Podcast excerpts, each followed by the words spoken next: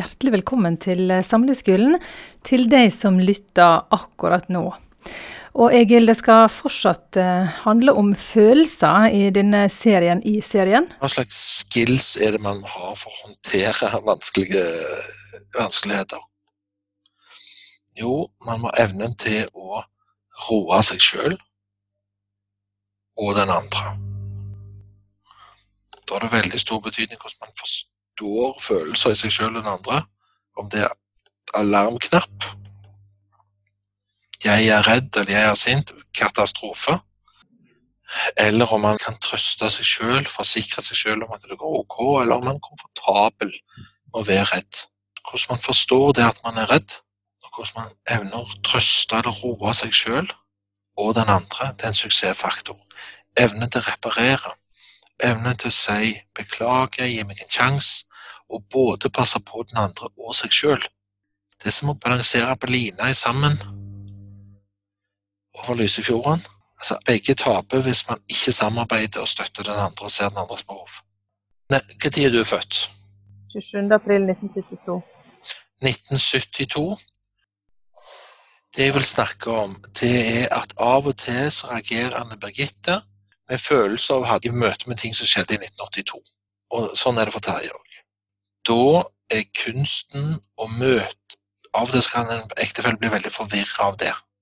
Men da er oppgaven, hvis man setter seg inn i og viser interesse for hva var det, hvordan var den situasjonen for den andre, og hva hadde den andre trengt i 1982? Han var redd eller lei. Så får man den ideen i hodet at når min ektefelle er redd, eller lei, eller fortvilet, så kan det være det rykker i noe som ble kobla opp i 1982. Så kan du være den vennen den som snakker sånn noen skulle ha snakket. Den som støtter sånn som noen skulle ha støtta i 1982. Og når den jobben er gjort, så kjenner den andre at den ikke er aleine. Og da er det veldig mye lettere å være fleksibel og samarbeide. Noen ganger må vi møte hverandre i 1982. Det gir mening.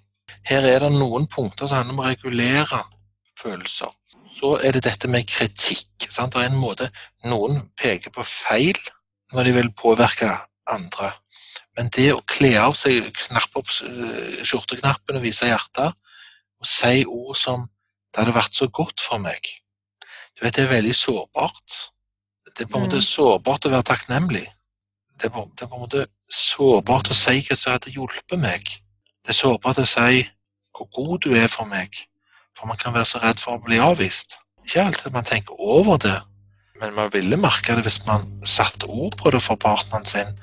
Jeg syns det er så godt, og det minner meg om, og det fyller i et rom i meg, og hva det måtte være. Det å unngå kritikken som er så ødeleggende i parforholdet.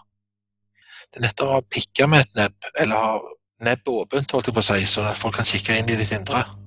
Du bør egentlig ha Lukkethet utad, åpenhet innad. Du bør ikke pikke på andre når du føler noe. Du bør åpne ditt indre. Da er du sårbare. Anbefalingen er, når du er mann eller kone og har mye krangel, da øver deg på å si hva som hadde vært godt for deg. Øve deg på å si hva du setter pris på hos den andre. Da skjer det to ting. Man forsikrer den andre om at du er noe for meg. For det er ikke så lett å løse problemer når man begynner å bli usikker på om jeg er noe for deg. Og to, man hjelper den andre til å forstå hva som virkelig hjelper. Hvis man tør å si 'det er så godt for meg', handler dette om følelser? Ja, det handler om det. For hvis man har lært seg at det er best å skjule seg sjøl, så, så, har man ikke så lett for å si 'ikke akkurat der, kjære', litt lenger opp der, det er så aller best når du klør. Liksom og så er det litt vanskeligere å sette opp hva i livet mitt som gjør at det er så velsignet at akkurat du er her.